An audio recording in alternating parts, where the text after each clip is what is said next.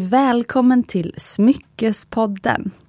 Det här är podden där vi pratar om äkta smycken och ädelstenar på ett enkelt sätt och bryter normer som präglat en annars ganska strikt bransch. Idag är jag superglad att vi har vår tredje manliga gäst i podden. Vi släpper in honom en gång, han sitter här framför mig. Varmt välkommen Tobias Eklund som är ansvarig för försäljningen på Georg Jensen på den svenska och finska marknaden. Tack så mycket. Hur känns det att vara här? Det känns jättespännande. Du är ju lite ruttad så här med mick framför dig, du får berätta. Ja, jag har ett gammalt förflutet inom närradio faktiskt. Och närradio, finns det kvar? Nej, i stort sett inte. Det var då vi startade med kommersiell radio i Sverige. Och det är vilket årtionde då? Eh, nej, det är nog, eh, jag skulle nog vilja säga att det är 30 år tillbaka i tiden, minst. Oh. Okej, och eh, jag skämtade med dig förut och sa att vi får börja kvotera in män i Smyckespodden. Mm.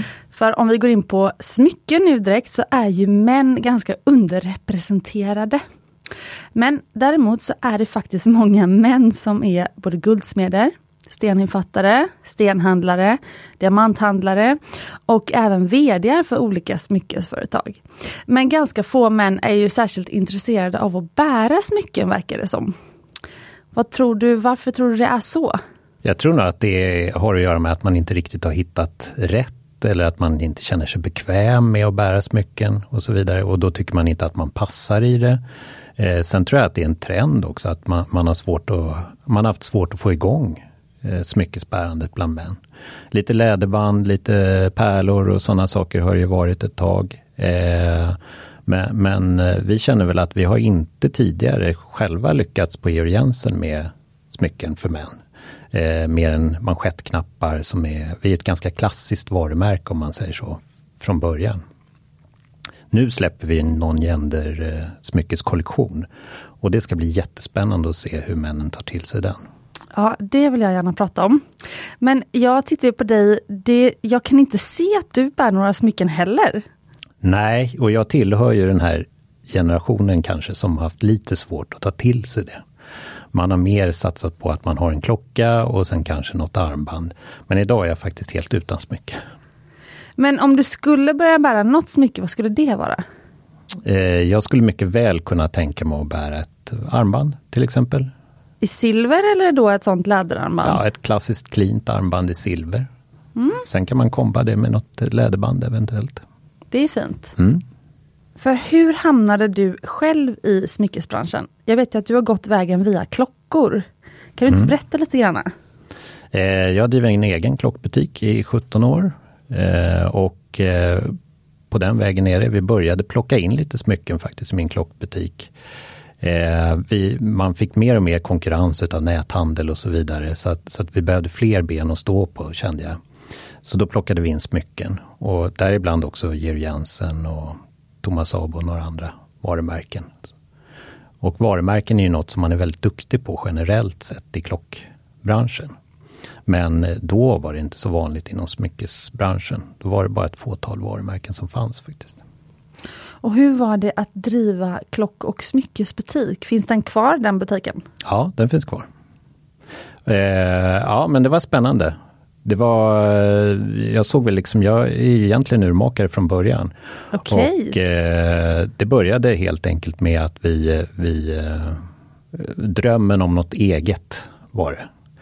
Eh, och till slut så, så, fick jag möjligheten att köpa den här butiken. Och eh, vi, vi kom överens, jag och den gamla ägaren och så vidare. Och sen så kunde jag slå ner pinnen i jorden och starta upp. Då. Och sen så eh, kände jag att vi behövde addera mer och mer till verksamheten. Så, för Lidingö är ändå en ganska begränsad marknad. Så, så vi, eh, då adderade vi smyckena också. Och hur länge hade du hållit på? För, för den finns kvar den, på Lidingö och den heter? Eh, Lidingö Urhandel heter den. Lidingö Urhandel. Mm. Och hur, vad skedde då under de 17 åren? Om man säger när du liksom drev den här butiken? Eh, det var en extrem, eh, det var en helt annorlunda typ av eh, business som började komma in då. Eh, det var ju liksom då näthandeln startade nästan i Sverige. Och Då började det komma, det blev lite priskonkurrens från, från näthandlare bland annat. Eh, och klockbranschen var väl kanske tidigare egentligen med just näthandel på, på ur. Så att det var både givande och tuffa år. Och sen hur hamnade du på Georg Jensen? Jag sökte egentligen ett jobb i Norge från början. Eh, på just Georg Jensen, en sån sales manager-roll som jag hörde var ledig. Eh, men det kom aldrig igång riktigt så det blev inte så mycket. Eh, så då jobbade jag på några andra ställen innan. Och sen fick jag höra igen att det var ledigt i Sverige så då sökte jag igen. Så att andra gången gilt blev det då. Mm, jag förstår. Mm. För idag ska vi prata om hur ni arbetar med design och försäljning på Georg Jensen. Och det är ju även väldigt kul för att Många tänker ju, eller undrar ju om det fortfarande finns en framtid för butikshandel. Men ni på Georg Jensen jobbar ju väldigt mycket med butikshandel och du är ju en av de ansvariga för det. Så det är ju väldigt spännande. Sen så la jag också ut på Instagram nu i förmiddags om att jag skulle ha dig som gäst. Och frågade om, vi, om någon lyssnare hade några frågor och det hade de. Så vi kommer också få in lite lyssnarfrågor. Ja, spännande. spännande. Mm. Mm. Så jag tycker att vi kör igång.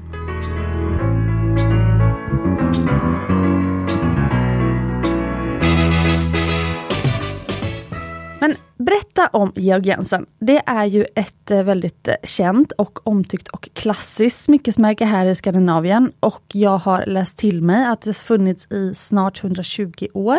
Vill du berätta lite storyn bakom? Ja, det, hela bolaget det startades ju av Georg Jensen själv redan 1904. Och eh, det startade på en bakgata, eh, inte långt från Ströget i Köpenhamn. Där han hade en litet, eh, vad ska man säga, ett hål i väggen. Och där hängde han ut sitt lilla eh, showcase, ett smyckeskåp eh, utanför dörren och så hade han sin arbetsbänk där inne. Men han var inte riktigt nöjd där utan han ville expandera mer och mer. Eh, och för att eh, då kunna expandera så plockade han in andra olika typer av designers. Så han, gjorde, han var egentligen först, skulle jag vilja säga, utav de här smyckesmärkena med att göra sådana här collabs. Så smart! Och jag tänkte vi ska gå in på det lite senare. Just hur ni jobbar med design på det här speciella sättet. Men han var ju silversmed, var det så? Han var inte guldsmed? Ja, han var egentligen skulptör från början faktiskt. Ah, okej, okay, så ja. vad var de första produkterna? Var det smycken eller var Nej, det? det var, han gjorde mycket i lera från början. Och sen så klev han in och började jobba mer med, med med silver helt enkelt. Så när blev det ett smyckesmärke? Var det... Ja, det var redan 1904 som ah, han okay. startade sin första silversmedja. Liksom så. Ah, okay. Och idag, hur många är ni som jobbar på Georg Jensen i Skandinavien? Eh, vi är ungefär totalt 200 om man tar huvudkontoret i Danmark också. Eh, och sen så är vi ett antal ute på fältet, så vi är ungefär eh, totalt 14 stycken. I Sverige eller? Nej, i Sverige, Norge, Danmark och okay. Finland. Då. Har ni ett kontor här i Stockholm eller? Nej, vi utgår från hemmet helt enkelt. Så modernt! Ja. Eh, vi sitter ju mest i bilen så kontoret är bilen. Ah, Okej. Okay. Mm. Ja, du sa att du var tvungen att lägga ut din mobiltelefon. För annars skulle den säkert börja ringa. Så att jag förstår då. Men var sker produktionen och var sker designen? Designen sker i Danmark. Eh, där har vi en egen eh, designavdelning. Plus att vi plockar in externa designers. Eh, men de kommer ju oftast till Danmark då. Och det finns ju, nu har vi en designer som har designat den nya kollektionen, Reflect bland annat. Och hon, är, eh, hon bor i London, Jacqueline Raboun. Är det designsamarbete då eller är hon eh, återkommande designer hos er? Hon har varit återkommande designer men det är ett designsamarbete så att säga med henne. Och Jag undrar också, hur ser fördelningen ut mellan olika material? Alltså mellan guld, silver, vitguld, platina? Mm. Eh, platina är, ganska litet. Eh, men tittar man på guld kontra silver så ligger det ungefär 60-40. Sen är det lite beroende på land. Och då är det 40% guld och 60% silver. När man tittar i antal. Ja, okej. Okay. Mm. För när jag berättade att jag skulle ha dig på besök så skrev en lyssnare att Georg Jensen använder mycket halvädelstenar på ett unikt sätt. Vet du vad hon menade med det? Eh, ja, jag kan tänka mig att det har att göra med eh, ett annat designsamarbete som vi hade med Torun Bülow Hube. Som, eh, där vi faktiskt lyfte in produktionen då redan 1967. Eh, Torun Bülow Hube är en extremt eh, omtyckt, eh, känd smyckesformgivare som eh, tidigt drog till Paris eh, från Sverige och eh, öppnade en egen shop där. Eh, hon var också, eh, fick väldigt tidigt ställa ut ehm, på Louvren i Paris och var egentligen då den enda kvinnan som gjorde det. Hon hade ett väldigt eget formspråk eh, och hon jobbade med stenar hon fann på stranden och egentligen från början, hon hade inte så mycket verktyg så hon hade en tång som hon gjorde de olika formerna med utav silvertråd. Och det är väl det man syftar på, de halvädelstenarna så att säga. Okay. Och hon har verkligen gjort ett statement i hela smyckesbranschen skulle jag vilja säga. Jag tror faktiskt att Klara Kling som varit på besök i podden tidigare, att hon har ett av de halsbanden från den kollektionen faktiskt. Mm. Men vilka mer ädelstenar använder ni i er liksom standardkollektion? Alltså vi använder eh, mestadels diamanter eh, och eh, VS eh, stenar eller också SI-stenar. SI när det är silver, VS när det är guld och det är toppvässelton. Mm, Okej. Okay. Det var intressant att veta faktiskt. Mm. Är, det, är det många av dem som vill ha guld som då vill ha just eh, alltså very small inclusions, alltså som du sa, som är VS? Ja, eh, ja det är det, är ja, det som är efterfrågat. Absolut. Ja, på guldet så är det det. Och vilken vithetsgrad då, vi som är diamantnördar? Eh, det, är, det är som sagt det är klara stenar vi jobbar med. Men så inte River då heller, utan då Nej, är det Top Vesselton? Ja, Top Vesselton är det vi kör, inte River. Och gör ni några custom order som man säger, alltså fungerar ni också som ett, eh, ett av de klassiska guldsmedsföretagen, alltså som också gör liksom samarbeten utanför kollektionen med kunderna, eller är det bara i kollektionssmycken? Nej, vi jobbar mest med kollektionerna eh, och inte så mycket custom made. Så. Och det är mer på handknackat silver och så vi kan göra custom made. Men, ah, okay. men, vi jobbar alltid efter våra, vad ska vi säga, våra gamla designers som finns. Eh, så vi tar inte upp något nytt. Du kan inte komma till oss till exempel och önska en viss design eller så. Det är i sånt fall något vi har gjort sedan tidigare och det är endast på hollowware och silver. Alltså stora skålar och ljusstakar och sådana saker. Och det gör vi i Danmark då. Det är 30 silversmeder vi har som sitter där och gör sådana saker. Okej, men vet du om det är efterfrågat för att en av eh, trenderna, då, vi hade ett smyckestrendavsnitt i januari och eh, där spådde vi mer, eller mer, min gäst Kina Andersson, hon spådde mer custom made smycken. Tror du på det? Ja, det tror jag nog på. Men sen så är det ju så också att vi lever i ett land där vi har väldigt mycket duktiga guldsmeder som kan tillverka det. Och då tror jag inte att man går till ett varumärke på det sättet, utan man snarare går med sin egna design till en guldsmed och pratar igenom det och så, och så designar man på det och sättet. Så, och så köper man smyckesklassikerna hos varumärket kanske? Ja, mer så. Mm. Men något som jag också tycker är kul att höra är om eh, ett varumärkes kassakor. Alltså alla som har ett eget företag eller som arbetar med försäljning som du på mm. ett, eh, ja, vilket bolag som helst, märker ju ganska snart att det är några produkter som liksom alltid är de som säljer eller att man inte riktigt skulle klara sig utan dem i alla fall för att det utgör liksom bulken. Vilka är era sådana liksom kassakor bland produkterna? Eh, då går vi in på, på flera olika typer av smyckesserier. Vi har ju olika smyckesfamiljer. Mm.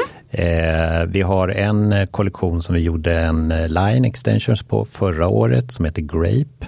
Okay. Och det är lite kul för den kommer liksom från Georg Jensens ur, uh, urdesign utav hans skålar som var upphöjda utav grape druvklaser. Han plockade ju mycket från naturen och uh, så han bodde utanför Köpenhamn nära skog och natur. Så mycket organiska former och så. Uh, och den släppte vi en line extensions på förra året och då gick den från 7% av omsättningen till 27. Så att, oj, oj, oj! vi, vi fick verkligen, och det var en modernisering vi gjorde utav den kollektionen och vi märkte också att vi fick genast in en mycket yngre typ av kund till varumärket. Mm, nu googlade jag lite här faktiskt. Och det ser faktiskt ut som små vindruvor som sitter, i som små silverbollar som sitter på en ring bland annat. Mm, mm. Så det är ju faktiskt väldigt mm. eh, vindruvaktigt. Och den eh, vindrusglasen, stora ringen, det är en sån statement-ring så det är en riktig klassiker från oss. Ah, okay. Eh, nu har vi använt de här druvorna lite grann och använt dem mer som, som bollar eller som bubblor kan man säga. Och eh, lekt lite mer med formerna på dem. För hur gjorde ni då, eh, om man tänker ert sätt att jobba med design. Eh, kan du inte berätta lite om det först då, hur ni jobbar med just olika designers när ni liksom skapar produkter? Mm. Man, om man tar Grape då så är det vårt inhouse team. Vi har in, designers inhouse också som, som jobbar med. Och eh, det är en ganska lång process när vi jobbar med en designer till exempel. Först så, så eh, vi har ju oftast en idé vad vi vill ha eller en idé vad vi tror att våra kunder vill ha. Eh, och sen så är det frågan om kan vi matcha in det i något av våra befintliga kollektioner? Är det något som våra befintliga designers som vi jobbar med kan, kan göra någonting utav? Eller är det så att vi behöver söka ytterligare externa designers? Vi har gjort, vid något tillfälle har vi gjort designtävlingar och så har den som har vunnit eh, designtävlingen har då blivit designer för oss till exempel. Kan det vara vem som helst eller är det ofta en, befin alltså en, en etablerad designer redan? Eh, det varierar lite grann. Förra året hade vi en sån där vi inte ville ha en etablerad designer. Mm. En designtävling i Danmark där vi gjorde ett smycke då som, och så satt prinsessan Margrethe i juryn och eh, avgjorde vem som vann. Och då mm. producerar vi det smycket sen. Eh, tittar man i övrigt så, så har vi Jacqueline Raboun som, som eh, har gjort egentligen våra toppsäljande kollektioner. Vilka eh, är? Vilka är Offspring, eh, Mercy och den nya nu då Reflect som kommer. Offspring, okej okay, nu är det mycket ord här, nu får du förklara. Ja, Offspring är en, eh, det var det första, alltså det första hon gjorde åt oss egentligen var ett armband i Reflect. Det var liksom testet för att komma in på Jensen. Eh, och det är den vi har börjat producera nu, så att det är en av nyheterna. Och hur ser det ut? Ja, det är eh, som, som eh, lite kraftigare länkbitar eh, med mycket massivt silver som, som är flätade samman. Och det är en fantastisk känsla att ta i det. Mm.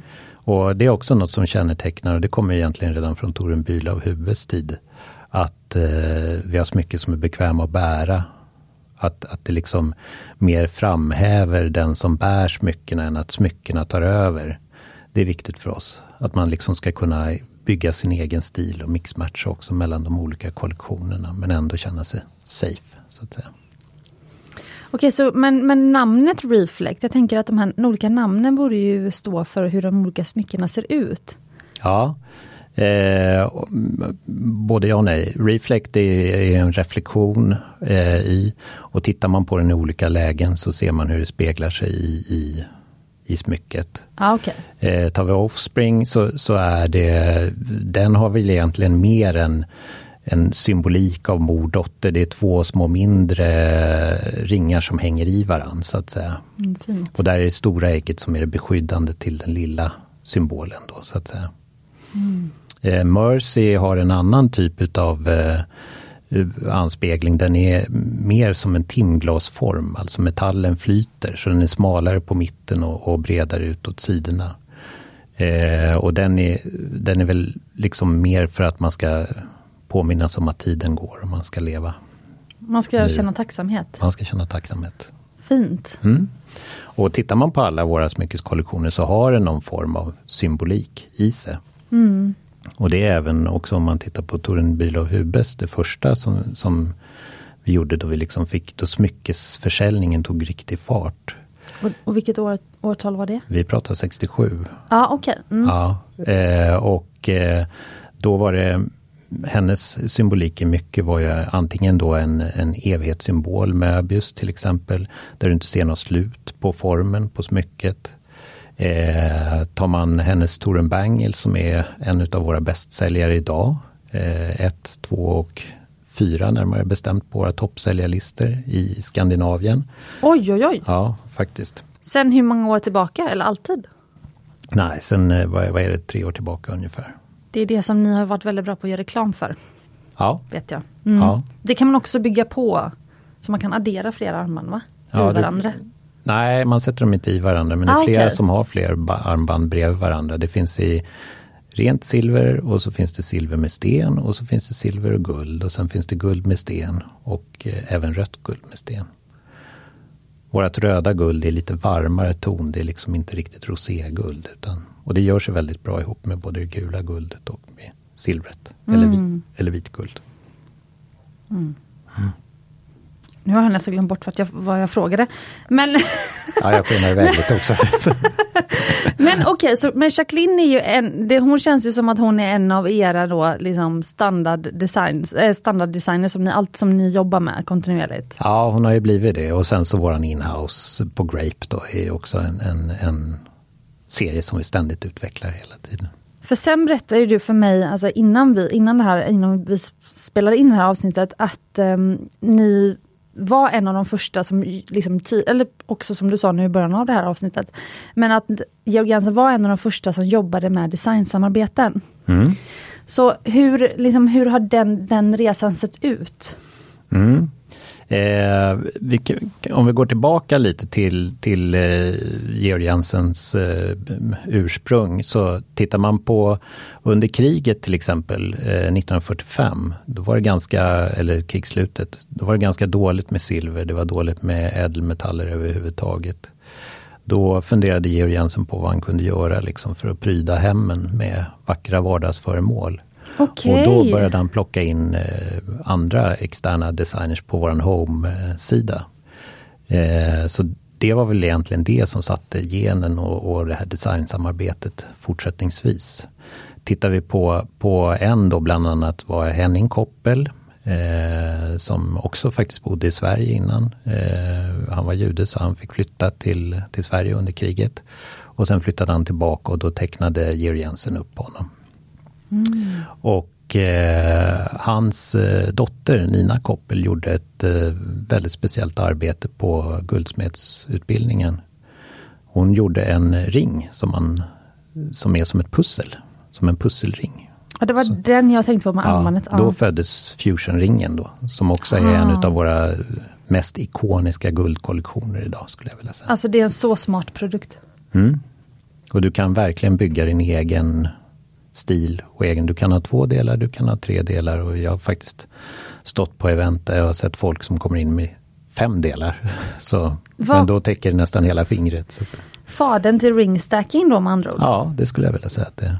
Jag tycker att det här är så smart och jag tänker på när H&M började med designsamarbeten, vad var det, 15-20 år sedan. Mm. Men nu, jag blir lite förvånad över att om Jörg Jensen har hållit på med det här sen var det första världskriget då antar jag? Det var inte andra världskriget? Nej, jag tror att det, det var redan 1920 så tog eh, Georg Jensen in sitt första samarbete. Mm, det var efter första världskriget då. Mm. Okej, men då, då är jag ännu mer förvånad att inte fler varumärken har liksom anammat det här mer med samarbete. Men sen så funderar jag på om det är svårt att om jag tänker att jag själv är smyckesdesigner, alltså när jag inte är här i Smyckespodden, det jag, skulle, det jag är rädd för, om jag skulle ta in någon annan designer, är att så här, hur, hur blir det fortfarande Mumbai då, alltså som mitt smyckemärke mm. heter. Alltså hur blir det fortfarande Georg Jensen? Alltså hur, hur får man den här liksom Ger ni några, eller gav han och ni fortfarande några direktiv då till de här designerserna? Det måste, de här parametrarna är alltid Georg Jensens mycket, eller liksom hur, hur behåller man DNA? -t? Det gör man på flera olika sätt skulle jag mm. vilja säga. Dels så, så ibland så försöker vi styra lite eh, vad vi behöver för stunden. Ah, eh, och det är okay. egentligen våra slutkonsumenter som Idag, som en beställning? Ja, nästan. Eh, nej, men vi lyssnar väldigt mycket på, på vad, som, vad marknaden vill ha, så att säga också. Eh, och sen ska det självklart ha Georg Jensen DNA. Så de flesta designers faktiskt bjuder vi in till vårt arkiv Mm. Vi har ett arkiv som inte får lämna Danmark nere i, eh, på vårt huvudkontor. Och eh, där bjuder vi in alla designers så får de bläddra genom de olika ritningarna från första början egentligen och hämta inspiration och sådana saker. Och på så vis så per automatik nästan får man fram den här röda tråden i smyckeskollektionerna. Så att säga. Så de behöver hämta någon inspiration från arkivet och sen göra det till sin egen? Eller? Ja, lite så har vi jobbat för det mesta. Sen är det sådana som vi har låtit, eh, vissa designers har fått jobba helt själva också. De har ju kommit in med något eget förslag och så vidare. Och sen så tillsammans med, det är ju en design som resoneras fram tillsammans med designteamet för hur det ska se ut i slutändan. Men finns det några material då som man behöver hålla sig till? Jag tänker till exempel på ädelstenarna då. För när jag tänker på Georg Jensen tänker jag silver och möjligtvis diamanter. Mm. Alltså, om någon designer skulle säga så här, men jag vill ha in eh, lavendel, safirer och eh, gröna smaragder. Skulle det vara okej okay då? Eller är det liksom inte signifikant för Georg Jensen så då gör man inte det? Nej, alltså vi, tittar man på, på fusionringarna så har vi haft med gröna safirer och vi har haft rubiner och Mm. så. Vi, vi har gjort väldigt mycket olika typer utav smycken med färgade. Även den här Torun Bangle har vi gjort med röda rubiner vid ett tillfälle och så vidare. Ja, okej. Så att det, där ligger nog inte mer begränsningen. Det handlar nog lite om att ha en bra idé om vad man kan tillverka och göra. Så att säga. Det är sant. Och var sker tillverkningen? Eh, tillverkningen sker i Thailand eh, där vi har en egen fabrik med någonstans mellan 800-900 anställda.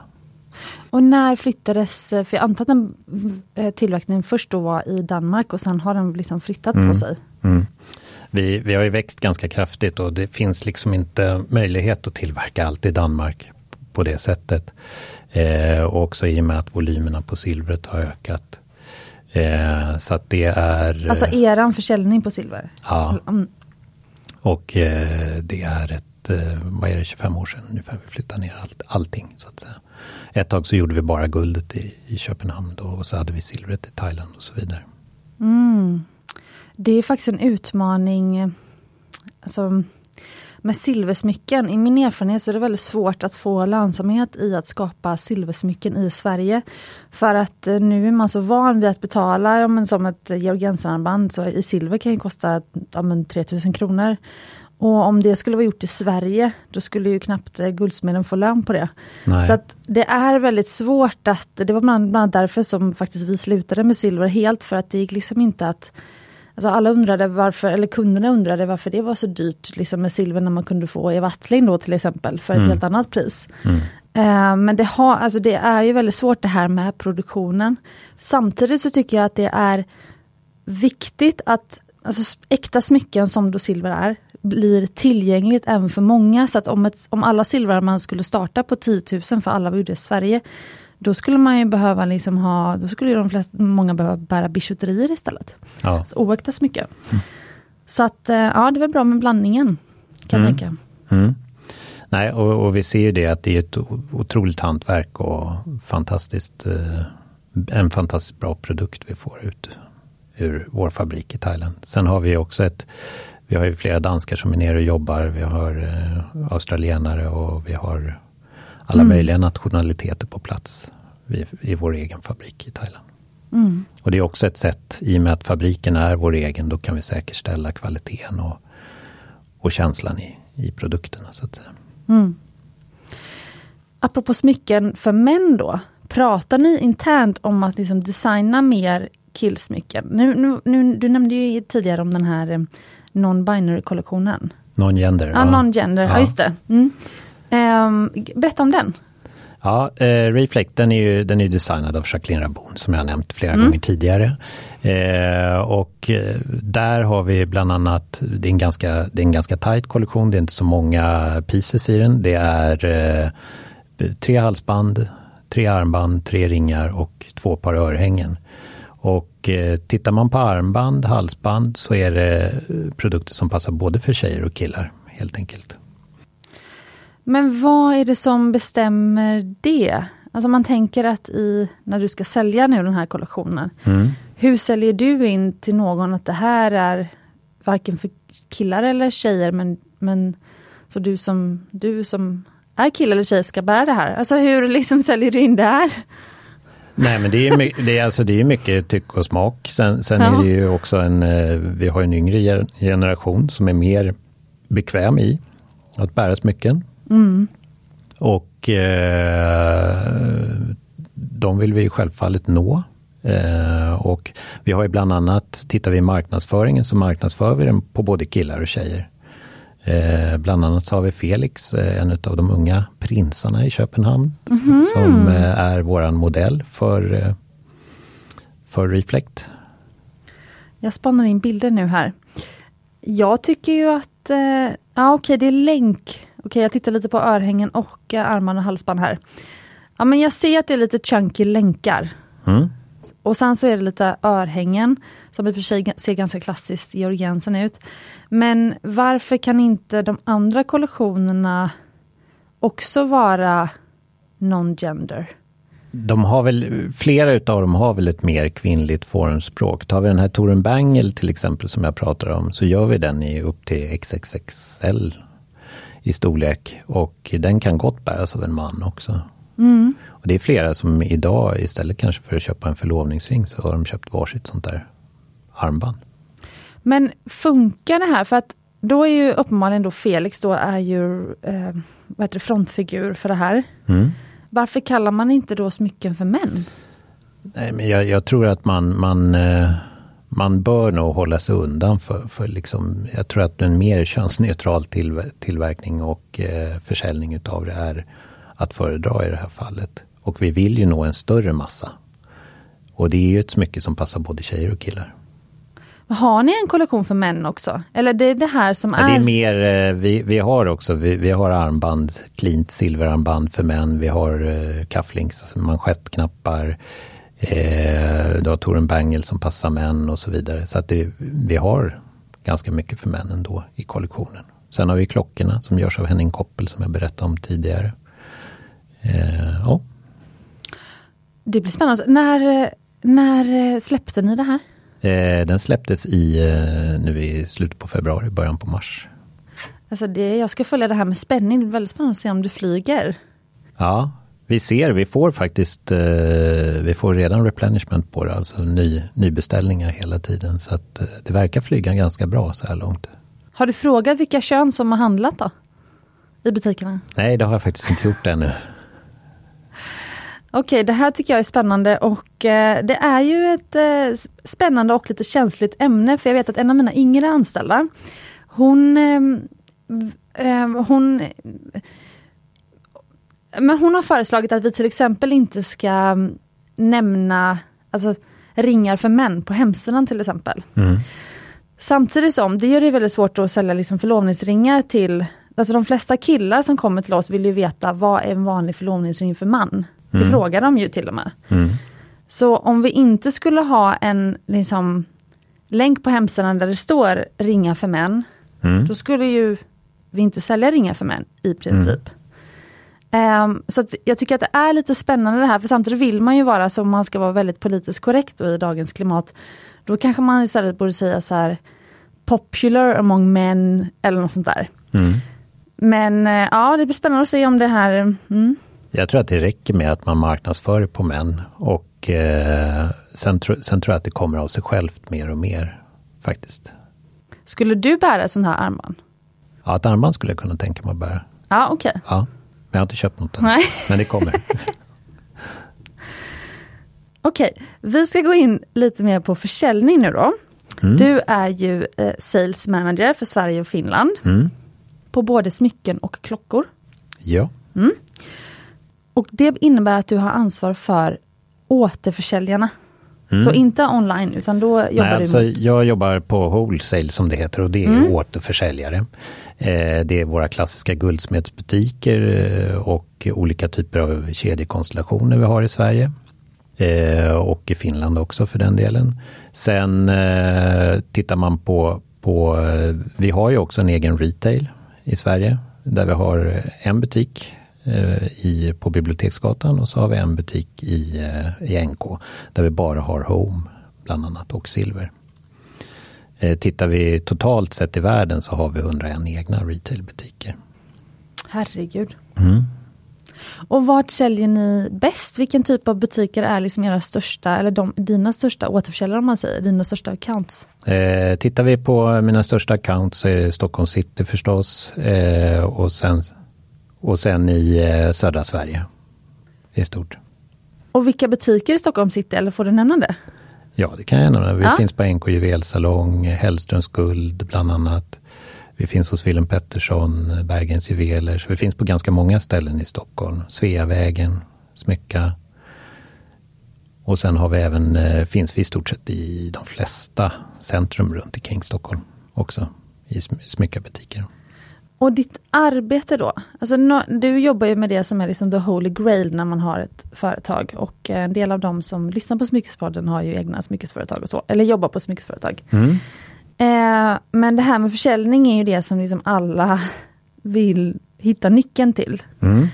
Så om, om du ska liksom berätta lite grann hur du jobbar då?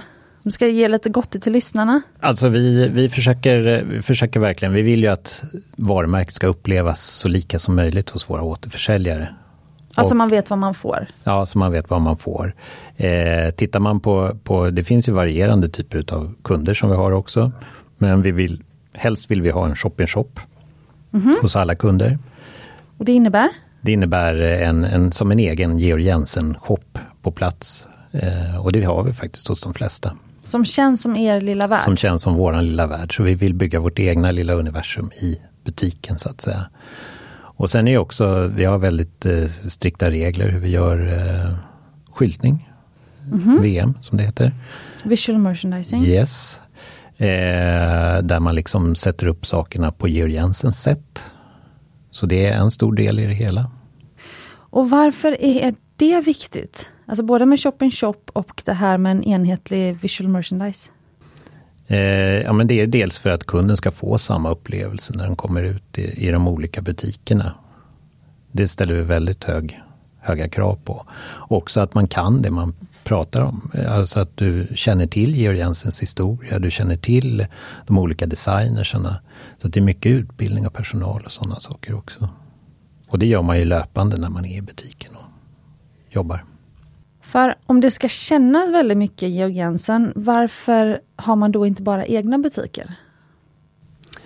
Eh, nej men det är dels en, eh, visst det är en kostnadsfråga också eh, med egna butiker. Det kostar att, att finnas. Eh, sen ska man inte vara rädd för att finnas i multi-brand stores heller. Eh, för det kan ju finnas kunder som kommer in och kanske har spetsat in sig på ett annat varumärke från början. Men landar hos Georg Jensen istället. Så då får vi också lite draghjälp av varandra. Eh, vilket är det fantastiska just med multibrand stores och, och wholesale. Men de flesta som funderar på att, eh, eller som leker med tanken om att kanske kontakta återförsäljare eller sälja via återförsäljare och sådär. De kanske blir avskräckta när de inser marginalen som återförsäljarna får jämfört med marginalen som de får. Mm. Men det är fortfarande värt att ha återförsäljare istället för egna butiker, säger du? Ja, det upplever vi. Ja, okej. Okay. För att just man får sån draghjälp i marknadsföringen eller? eller vad är det ja, som dels är... det så får du draghjälp i marknadsföringen. Sen finns det ju väldigt mycket skickliga människor runt omkring som, som jobbar med vårt varumärke inom wholesale. Och det gäller ju att plocka upp dem på ett bra sätt också. Hur menar du då? Eh, nej men tittar du på om du går till en wholesale-kund till exempel. Du får ett, typ ett som helt, NK Juvelsalong? Ja, mm. du får ett helt annat nätverk utav butiker. Du kan ju nå ut till mycket fler kunder. Eh, vi har ju kunder från eh, Luleå i norr till eh, eh, ja, Malmö söder och, och, och, även nere i Sölvesborg har vi kunder också. Så att, och Karlskrona till exempel. Så vi, vi täcker ju hela Sverige på så vis. Eh, det skulle vi aldrig ha möjlighet att kunna göra med retail och den organisationen inom retail. För varför är det viktigt att finnas fysiskt och inte bara online? För online så täcker man ju hela världen genom att bara ha en hemsida kan man ju säga. Ja det gör det men eh, å andra sidan så smycken säljer vi mycket på känsla. Du mm. vill ju mm. förmedla en känsla när du säljer ett smycke. Eh, och då är det också viktigt att du kan gå till en butik och känna och klämma på det. Vem skulle du säga är Georg Jensens typiska kund? Alltså det som är roligt med Georg Jensen är ju att vi har som bredd på kundkretsen. Eh, och tittar man på, på, på den typiska kunden så någonstans 30-35 år ner till eh, första studentpresenten på liksom 18 mm. år. Många får ju till exempel en Daisy, en Daisy-blomma. Jag tror det var förra året har vi aldrig sålt så mycket Daisy som vi gjorde just till student mm -hmm. i Sverige och även till konfirmation. Så att då adaptar vi en, en kund redan från början så att säga. Hade ni gjort en marknadsföringskampanj på det då eller var det en slump? Ja, vi gjorde en konfirmationskampanj och student eh, på Daisy. Daisy är en blomma så det passar ju väldigt bra till våren. Eh, sen förra året så hade vi ett eh, 80-årsjubileum på den också. Det ser ut lite som en, eh, en maskros nästan. Fast den är, har vita, den är emaljerad med vitt. Mm. Och så har den en guldknopp och så är det ett par örhängen då. Ja, precis. Mm. Och det är en eh, mer presskrage. Ja, presskrage, ja, just det. Skulle jag vilja säga. ja, det var det jag menade faktiskt. Det är ingen maskros. Maskros har ju ingen mitt. Nej, den har inte eh, det. Nej, den jag sa fel. Blomma, alltså. Ja, ja, ja, men eh, precis. Vilken tur att du var här och sa rätt. Mm. Eh, ja, men det är en presskrage. Mm. Ja, okej. Okay. Ja. Mar Margareteblomster kallas det för. Vi gjorde den till eh, prinsessan Margaretes födelsedag faktiskt. För, då, förra året var det 80 år sedan, 81 år sedan. Nu. Är hennes favoritblomma presskrage? Ja. Jaha, okej. Okay. Var en ganska modest eh, favoritblomma mm. faktiskt. Mm. Men för det var en ung smyckesdesigner som frågade här om avsnittet faktiskt. Vi hade en affärscoach på besök. Mm. Och då frågade, och det var en av lyssnarfrågorna, eh, om, man, om den här tjejen då borde ha en fysisk butik eller inte. Mm. Vad skulle du svara på den frågan till den här liksom, yngre smyckesdesignern? Alltså fördelen med att ha fysisk butik jämfört med online för, för någon som är så pass ny om man säger. Jag tror att det är viktigt att man har någon form av showroom, ateljé eller något liknande där man, där man kan synas. Eh, också mer än bara online. Sen online, då, då tar du ju resten utav liksom landet eller om du ska gå ut på fler länder. Det är ju det som är det fina med online. Det är att du kan sälja i flera länder till exempel. Eh, och tittar vi på i, i Sverige så, så utav våra wholesale-kunder så har vi flera som online-aktörer som säljer på flera länder än just bara Sverige också. Mm. Eh, sen tror jag det här med att eh, du har en lättare förmåga att bygga en känsla för varumärket i en fysisk butik. Du kan också tala om lite vem du är på ett annat sätt. Och jag menar, folk reser ju så mycket idag så att du har möjligheten också att nå kunder som är i Stockholm för tillfället. Om du nu befinner dig i Stockholm eller Göteborg eller var du befinner dig någonstans. Alltså jag måste faktiskt säga att jag tycker det är svårare att förmedla vem man är och ens liksom mission i en fysisk butik. Det är mycket enklare, alltså jag har mycket lättare att göra det via till exempel Instagram, alltså via posts och stories och de som följer och via nyhetsbrev och sånt. Alltså digitalt har man mycket, alltså jämfört med vad alla säger att man har några sekunder på sig att väcka folks intresse. Men när man väl har följare då, eller liksom prenumeranter på nyhetsbrevet och så, då har man ju personer som när de är inne på ens konto verkligen har 100% fokus på det man lägger ut. Och då kan man ju skriva små saker varje dag, liksom det man brinner för eller om någon speciell ädelsten och liksom och little by little liksom så adderar det upp och sen så när de sen några månader senare kommer och vill köpa en ring, då de har hela storyn, de liksom kan alla liksom varianter på ringen, de liksom kan ganska mycket om ädelstenarna för man kanske har skrivit om ädelstenarna. Alltså i en fysisk butik, då har man ju liksom så himla kort tid på att liksom fånga någons intresse och att stå och lyssna på en säljare är det ju ingen som orkar göra, eller? Så att, så här... eh, både ja och nej skulle jag vilja säga. Det är olika, ja. olika typer av kunder det, och det kan också vara lite en generationsfråga, det kan jag köpa. Eh, men tittar man på liksom internethandeln generellt sett ja. så är det ju väldigt många e-tailers som var rena e-tailers från början som, skap, som skaffar sig just fysiska butiker. För att kunna visa upp produkterna fysiskt. För de känner att de inte riktigt når ut till fullo. Ja, jag kan förstå det här med att då känna på smyckena liksom, och prova dem och så att det här, gud det här sitter ju så bra på min handled, liksom, den här, det här armbandet. Mm. Men um, just då, för att också med när man köper lite mer exklusiv, exklusivare, eller priser som är, eller vad säger smycken som är högre pris. För Georg Jensen har ett väldigt spännande prisspann. Jag såg att de här presskragar, de här Daisy-örhängena kostar ju runt 1500. Mm. Eh, och det är ju ett extremt bra pris. Mm. Eh, och sen så har ni ju armband, de här guldarmbanden börjar ju på 45 000. Liksom, ja exakt, blir, stämmer. Ja, 18 karat guld. Eh, är det liksom, märker du, liksom, hur ser försäljningen ut? Är det svårare att sälja, liksom, eller det är det ju såklart för att det är en mindre marknad. Men är det liksom lättare att sälja online en viss typ av produkt och lättare att sälja i butik en viss typ av produkt? Eller hur ja, ser det, det, ut? det kan vi se. En dyrare typ av produkt är oftast mer försäljning i fysisk butik. Ah, okay. Eh, så. Och den, eh, de dyrare produkterna har vi gjort många olika typer av försäljningar. Vi har till exempel vissa kunder har bjudit in sina bästa kunder eh, som är intresserade av den här typen av exklusivare produkt. Och då har vi suttit med privatsittning och visat eh, mer speciella smycken under, under de visningarna så att säga. Mm. Och tittar man på, på guld och tar ringar och sådana saker. Då är det ju också, då vill man ju gärna prova ringen så att säga. För jobbar du på olika sätt beroende på om din uppgift för veckan eller månaden eller dagen är att promota era exklusiva smycken jämfört med era, eh, liksom, inst, låt oss säga, eh, ingångsprodukter som kanske är de lite billigare som blir den första smycket. Och sen så när man har liksom varit Georg Jensen-kunden ett tag så kanske man köper de mer exklusiva smyckena. Det börjar oftast med något silversmycke från Georg ja. Jensen och då har vi liksom satt en, en då har vi sått en grund hos, hos kunden så att säga. Mm. Sen brinner det på lite vidare och man får andra typer av jobb. Man utvecklas personligen och så vill man ge sig olika saker. Vi kan se också att merparten faktiskt utav våra smycken är självköp av kvinnor, vilket är, är mm. kul. Eh, och det är ett bra betyg. Ja, verkligen. Men har du olika eh, liksom missions när du åker ut då till din bil då, eller med ditt mobila kontor?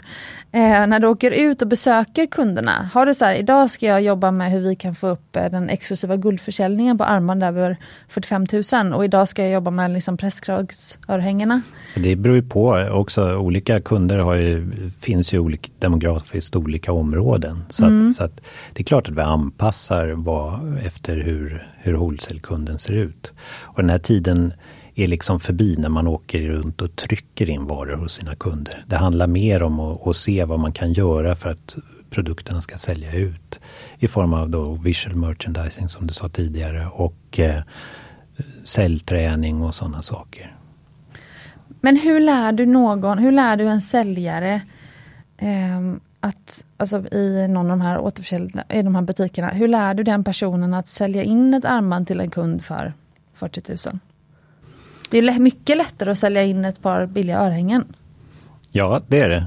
Men syvende och sisten så, så vill ju folk ofta sälja lite dyrare produkter. Eh, och sen har vi också, jag menar det är inte alla kunder som är mottagliga för en produkt för 45 000 och då säger, säger jag ju givetvis inte, men det handlar om att läsa kunden, vad är behovet, vad känner man, vad är man sugen på och så vidare. Så det är mycket att man ska vara en god lyssnare också.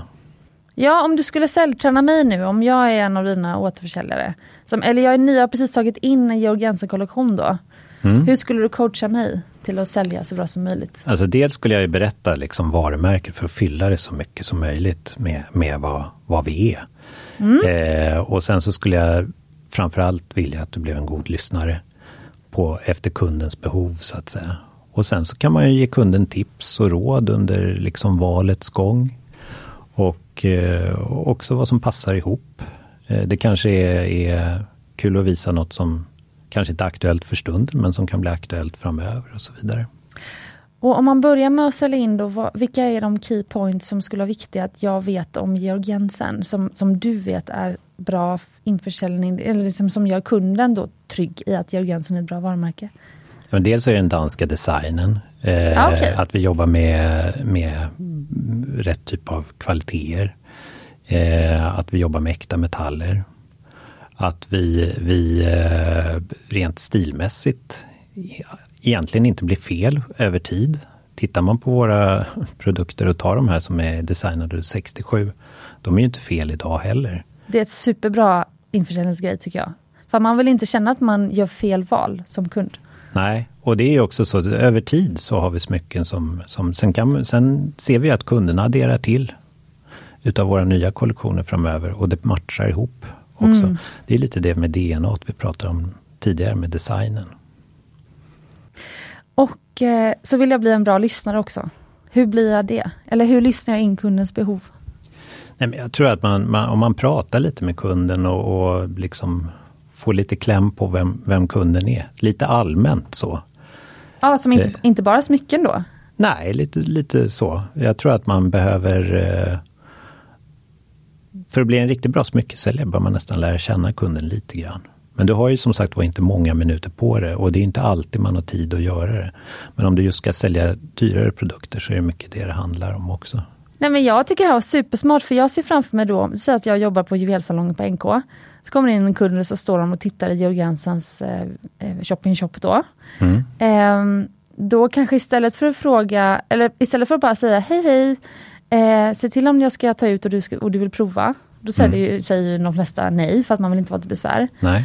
Då kan man ju typ ställa frågan, hej hej, eh, visst är det fint, vilket är ditt favoritsmycke av de här?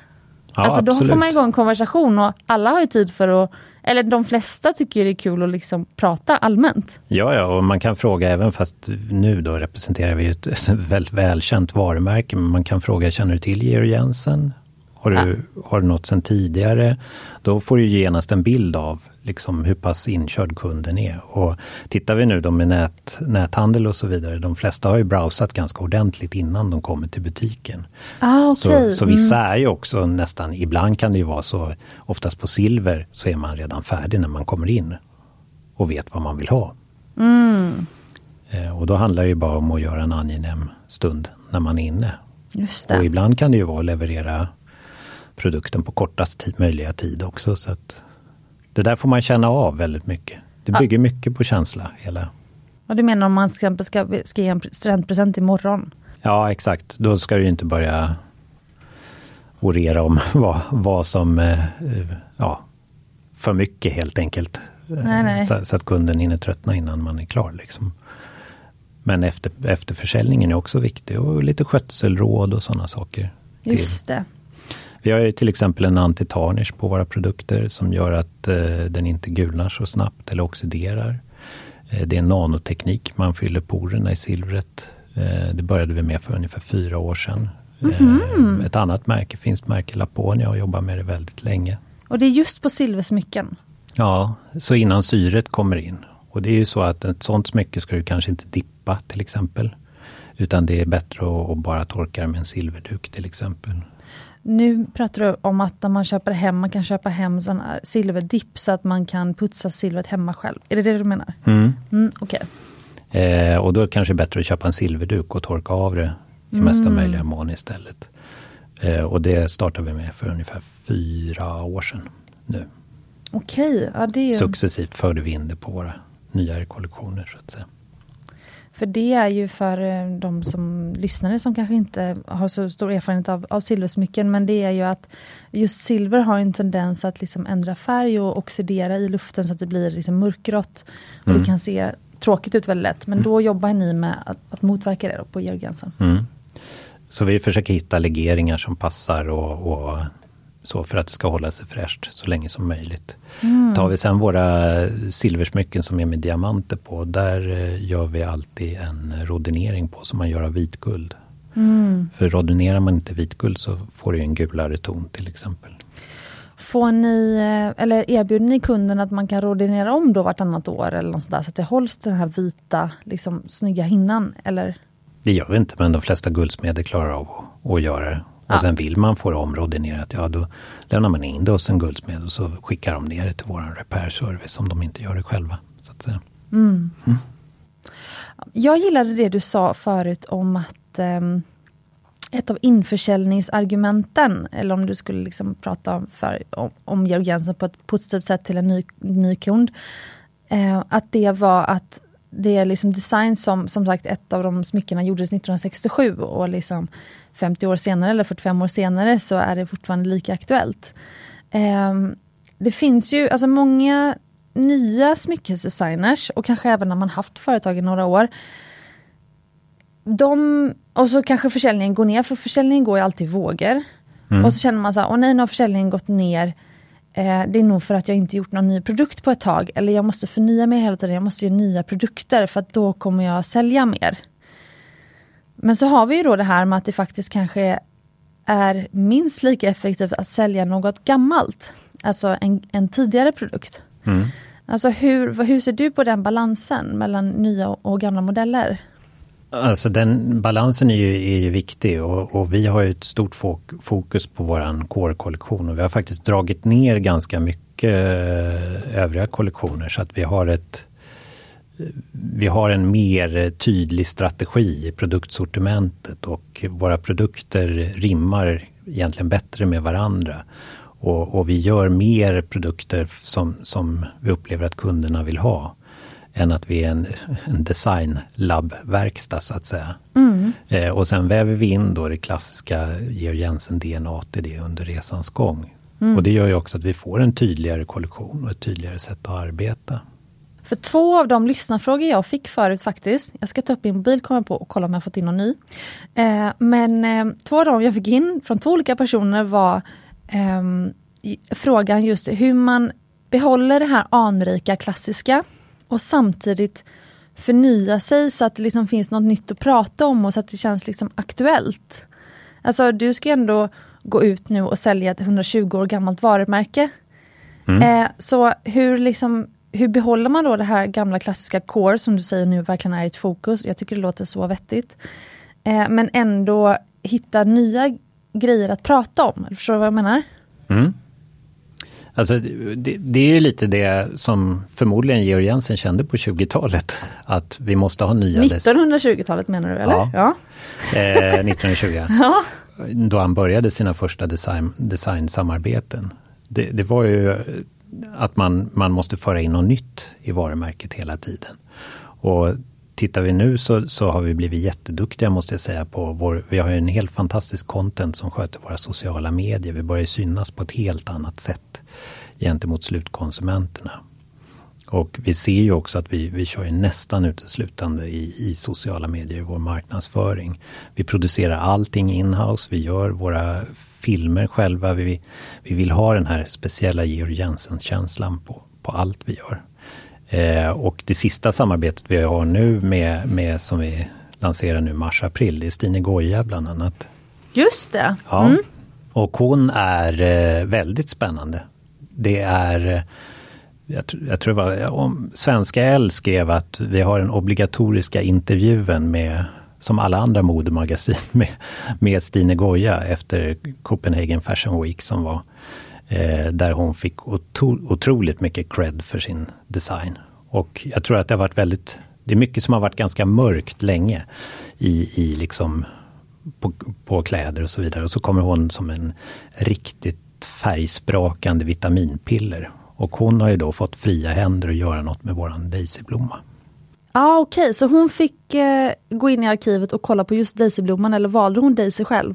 Eh, nej, hon, hon, vi valde ut Daisyn åt henne för vi tyckte att det passade henne.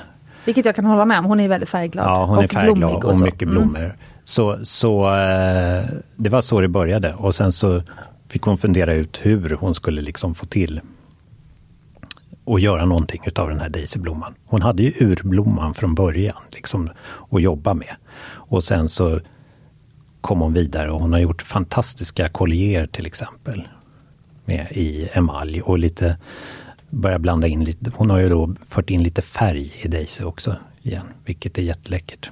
Ja, jag ser att hon har fört in grönt till exempel mm. i form av enamell. Eller emalj heter det på svenska. Mm. Um.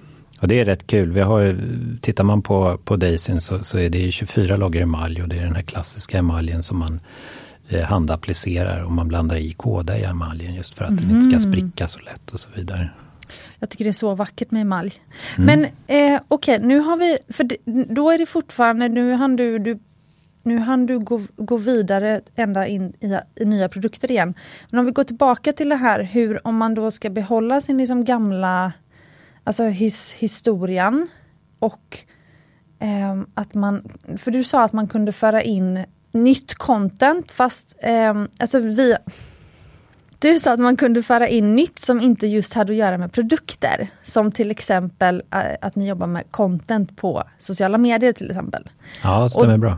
Ja, och det tyckte jag var spännande för att då tänker jag att man, om man då sitter där hemma och har ett smyckesmärke eller har något annat form av märke eller man, mm, sånt, sånt där, man jobbar med försäljning och varumärke. Eh, att man då kan tänka en grej att tänka, vad ska jag göra för nya designs? För nya designs kan ju trots allt attrahera nya kunder. Men då kan man också tänka, vad kan jag attrahera, tillföra mitt varumärke som är nytt men som inte har att göra med produkterna. Till exempel då som du sa om att liksom en ny slags marknadsföring eller kanske prata om något nytt ämne Eller något sånt där. Mm. Och det är det ni gör också då? Det gör vi och vi har ju också ett, ett jättestort CSR-projekt som är viktigt för oss. Eh, vi är med i det här eh, sammanslutningen Responsible Jewelry Council bland annat. Mm. Där är ett antal parametrar man ska uppfylla, det vill säga både sociala värden, miljömässigt. Eh, I slutet på det här året kommer allt guld vara återvunnet. Oh, eh, nu är silvret 70% återvunnet och förhoppningsvis nästa, redan nästa år kommer vi ha 100% återvunnet silver. För det är spännande, ni som är så stora. Ni, för ni måste ju ha, vet du vad er marknadsandel är i Skandinavien förresten? Eh, nej, jag är inte helt hundra på nej. vår marknadsandel. Men den är ju antagligen väldigt hög. Ja. Eh, men ni har ju verkligen också eh, den liksom ynnesten att kunna vara marknadsledande och liksom leda vägen för de andra företagen som kommer efter. Mm. Eh, och nå, även nå, liksom har muskler för att nå ut med den informationen också. Så om ni då till exempel börjar med att allt ert guld blir återvunnet, då inspirerar ni andra också. Ja, ja, och idag så är det ju viktigare än någonsin att man eh, tänker på miljön och så vidare. Och vill vi dessutom nå den, den yngre kunden så, så är det också. Sen är det ju viktigt för framtiden. Vi har ju bara en planet att ta hand om. Mm. Precis. Vi har fått in fler lyssnarfrågor. Spännande. Jaha. Och det är faktiskt på temat som du har pratat om innan. Eh, då har vi en guldsmed faktiskt. Mm. Som, eh, jag låter henne vara anonym, alla, alla frågeställare får vara anonyma. Men hon eller han undrar, hur väljer ni ut, slash väljer bort, vilka designer som ska tillverkas, ja okej, okay. vilka designer som ska tillverkas eller försvinna ur sortimentet? Alltså, vi tittar ju mer liksom att, att dels så måste vi ha en röd tråd i vår kollektion. Mm. Eh, och det har blivit me mer viktigt nu än någonsin. Det var liksom försökt eh, tratta ihop kollektionen lite grann och att den inte ska vara så spretig och så vidare. Så det, det är också dels att den har det starka Georg Jensen DNA. Eh, sen så försäljning, givetvis. Eh, vi ser där vi inte har eh, tillräcklig försäljning worldwide. Där får vi bara ta bort kollektionerna. Mm. Och vi kör i stort sett samma kollektion över hela världen. Mm. Så, så eh, det är några bitar som vi har i Asien som vi inte har i Skandinavien till exempel. Varför är det viktigare än någonsin att ha en röd tråd? Nej men jag, jag tror det man, man får liksom inte bli ett oroligt varumärke när mm. man är eh, så pass stabila och stora som vi ändå är eh, i, i smyckersbranschen. Och eh, vi har haft en väldigt tydlig strategi under väldigt lång tid så att jag tror att det, det är viktigt att vi håller fast vid den framöver också. Mm. Och också för att vårda varumärket och DNA och, och så. Vi får inte vara mossiga, men vi får inte vara för wild and crazy heller. Jag tror det är smart. Mm. Och samma eh, frågeställare har också ställt frågan, hur kan jag få designa för Georg Jensen? Man får helt enkelt eh, komma med en bra idé. Och så får man eh, skicka ner det till Georg Jensen. Eh, och så får man se vad som händer helt enkelt. Vi får ju faktiskt ganska mycket input från olika designers och sen så är det då våran designchef som heter Ragnar Hjartason som tittar på allting eh, vart eftersom. Har han en direkt e-mail då som du vill ge iväg i Smyckespodden? Nej, det vill jag inte. Vem, vad, vad finns det för kontaktmöjligheter då? Nej, men man, man, kan, eh, man kan börja med att mejla Georg Jensen, info.georgjensen.com. Ja, okay. Och så kommer man vidare så att säga. Eller så kanske man kontaktar dig på Instagram eller något sånt. Det kan man också göra. Vad heter du på Instagram? Eh, Tobias Eklund heter jag på Instagram. så det är ja. enkelt. Ja, tycker jag var, det här tycker jag var en jättebra fråga. Jag ska kolla om jag har fått in fler frågor. Nej, det var det. Mm. Mm, bra frågor. Ja, det tycker jag med. Spännande. Okej, innan vi går in på eh, avslutet här, så har jag en sista fråga. Mm. Och det är, de, när, man, när ni känner, eller när du känner då, att så här, nu har försäljningen gått trögt här ett tag. Jag måste hitta på något, jag måste vara kreativ för jag vill nå mina, min försäljningsbudget som jag gissar att du har. Mm. Mm. Vad gör du då? Alltså gör du liksom en specifik marknadsaktivitet för en gammal produkt eller liksom kanske liksom någon gammal storsäljare? Eller vad, vad, har du, vad har du för tricks i boken? Men alltså vi, vi, eh, vi försöker ständigt hitta nya vägar och utvecklas. Eh, och tittar vi då under Corona så, så mm, som var tuff tid. Eh, vi hade ju inte så mycket kunder i butikerna. Eh, då hade vi en-till-en-möten med slutkonsumenter, vilket var jättespännande. Eh, och för på något sätt så var det ju så att det, man reste inte, men man ville ändå göra något. Mm. Och då handlar det om att ha säkra möten. Och, och, jag tror många butiker har gjort det på ett väldigt smart sätt. För tittar man på det är otroligt mycket guldsmedsbutiker som, har, som liksom har överlevt det här med Corona och så. Så, att, så att jag tror att man har varit extremt kreativ. Man har åkt hem till kunder och lämnat saker och det har varit liksom eh, Man har hittat alla möjliga vägar att gå. Eh, och, och, eh, jag tror att coronan var ju liksom ett stålbad för hela handeln. Så. Och då var man tvungen att hitta det var inte bara öppna online till exempel, utan du måste ha någon mer, du måste vara nischad. Du måste hitta något mer sätt att jobba på. Och komma närmre kunden. Så tänka kreativt och utanför boxen?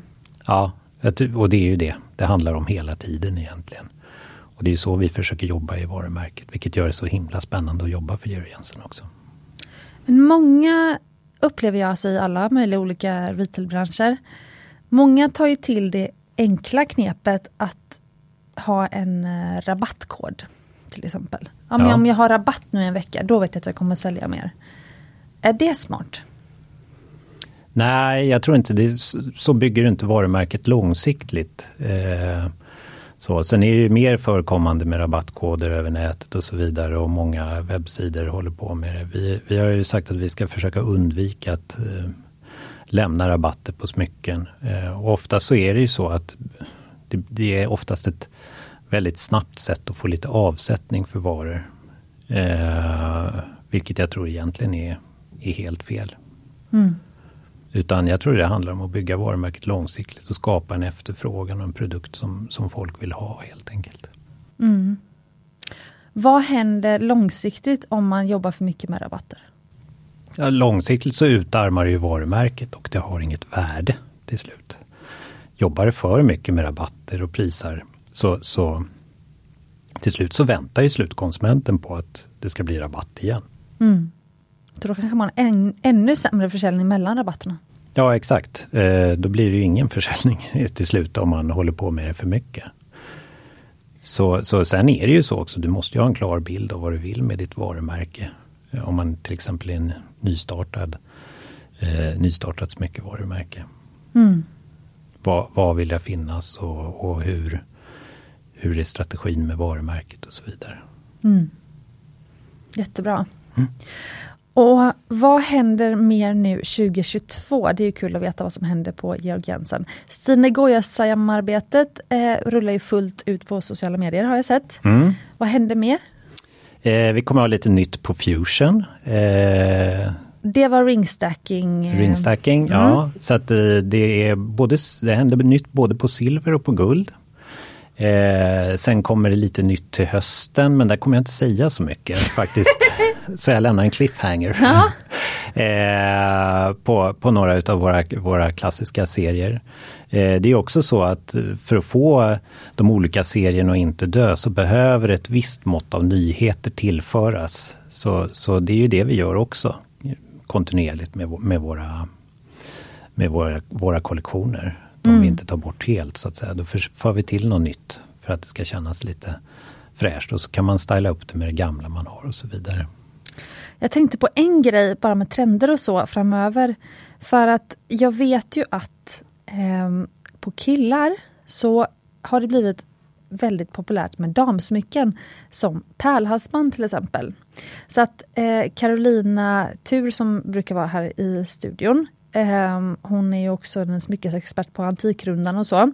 Hennes son önskade sig julklapp ett pärlhalsband och um, han um, Harry från One Direction som inte finns kvar längre men Harry är ju typ en stilikon över hela världen tydligen. Han bär ju pärlhalsband till exempel. Mm. Så är, liksom, tror du på mer kvinnliga smycken för män? Tror du du kommer ha mer sånt, apropå liksom, smycken för män. Tänkte jag, på. jag tror nog att vi kommer gå mer åt det hållet med, som vi säger, non-gendered. Alltså kanske inte mer kvinnliga smycken för män, men mer liksom smycken som passar för både herr och dam på ett helt annat sätt än vad vi gjort tidigare. Så smycken som kanske marknadsförs som smycken och inte bara marknadsförs som liksom damsmycken. Ja, det tror jag mer om framöver. Mm. Spännande. Mm. Och den här säsongen i Smyckespodden så har jag förberett eh, lite så här, eh, frågor till eh, gästen så här på slutet. Mm. Alla gäster får samma frågor. Mm. Eh, eller i alla fall alla, alla gäster som kommer från smyckesbranschen får de här frågorna. Eh, och det är fem snabba. Yes. Mm. Och tanken är då att du svarar snabbt utan att tänka och sen kan du få chans att förklara efteråt om du vill. Okej. Okay. Eh, och nu är frågan då om du ska svara utifrån dig själv eller utifrån liksom, säljare på Georg Jensen. Men det är roligare om det här blir lite, svara utifrån dig själv personligt. Ja. Så gör vi. Mm. Är du beredd? Jag är beredd. ja. Vitguld, rödguld eller platina? Vitguld. Diamanter eller färgstenar? Diamanter. Skräddarsy personliga smycken eller investera i klassiker? Klassiker. Halsband eller örhängen? Halsband. Ringar eller armband? Ringar. Är det någon som du känner att du vill eh, förklara? Eh, nej, jag tycker det var ganska tydligt.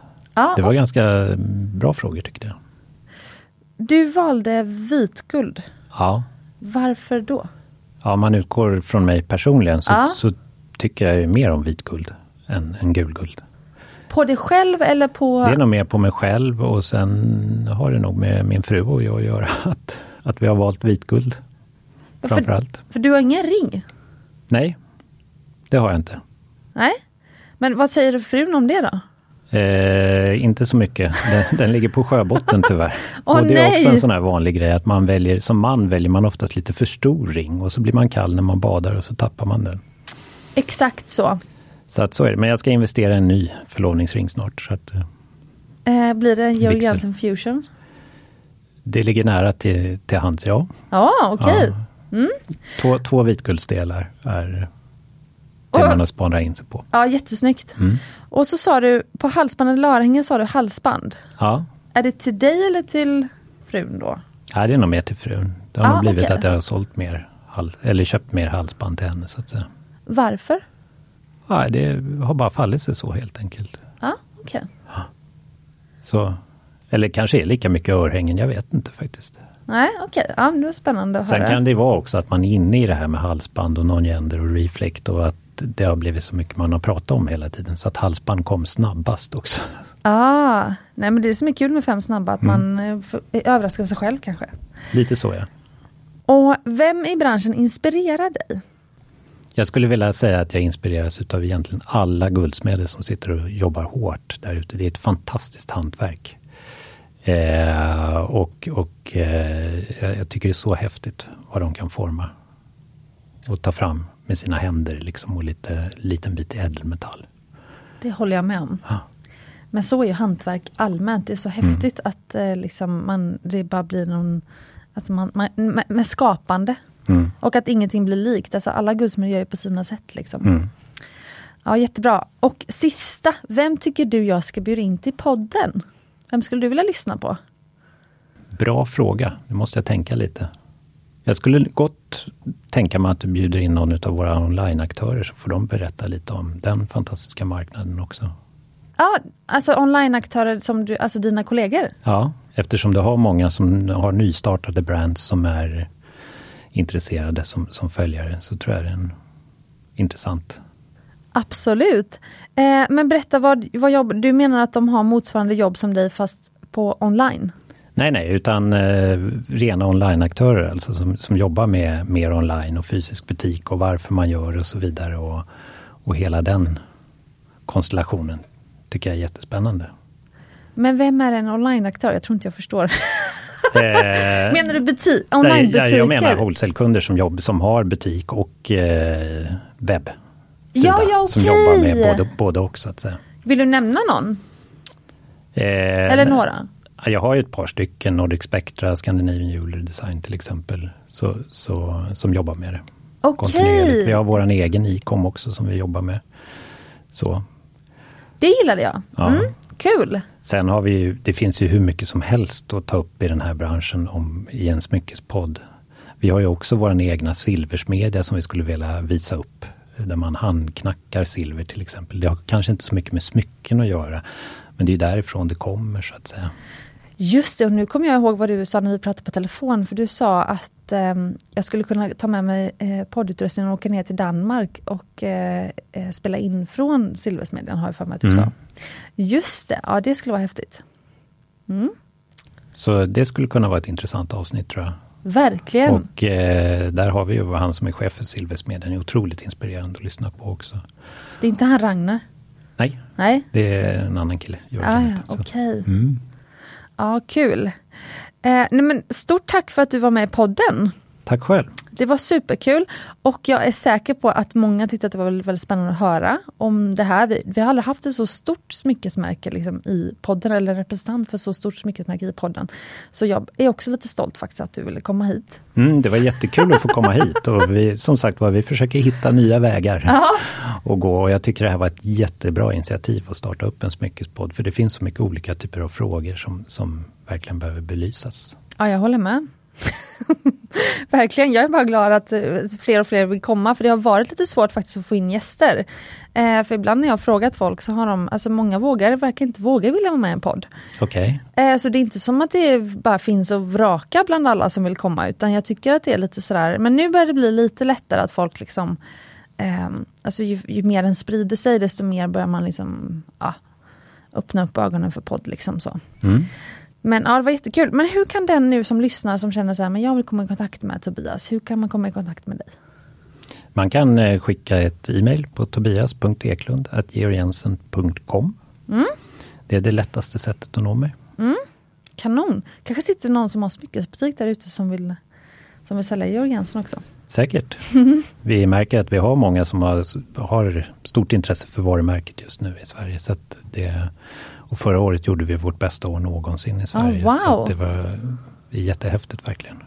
Hur hittar du förresten nya butiker att jobba med? Nej men det, ofta så, så tittar man ju på storlek på stad och kan det finnas möjlighet och sen är det ju mycket kontakter. Mm. Man får tips från andra mm. smyckesbutiker och sen ibland är vi med på mässor och så vidare. Nu har det inte varit så mycket sånt på ett tag men men eh, vi vet ju liksom vilka som är duktiga med, med sin verksamhet och, och de söker vi upp. Mm. Och eh, försöker komma in så att säga. Mm. Sen är det ju relativt lätt att få kunder på ett sånt här varumärke ska jag säga. Eh, sen är det ju så också att vi vill ha rätt butiker som jobbar med oss. Ja. Som tycker det är kul att jobba med Georg Jensen som varumärke. Och som de facto säljer Georg Jensen och inte bara har varumärket i butiken. Mm. Så det är ett ömsesidigt engagemang från båda parter. Mm.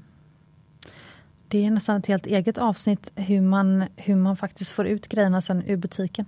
Mm. Eh, men ja, Nej, men det var jättekul och eh, du som lyssnar eh, Tänk på att du kan vara med och liksom påverka vem som kommer till podden. Så om du har lyssnat på det här avsnittet eller något annat gästavsnitt och tycker att men jag, vill, tycker, jag vill lyssna på den här personen. Så kan du alltid skriva till Smyckespoddens Instagram. Och eh, med de orden så säger både jag och Tobias då eh, tack för att ni lyssnat och eh, ha en riktigt härlig dag och glöm inte att du är värd äkta smycken och ädelstenar. Stort tack!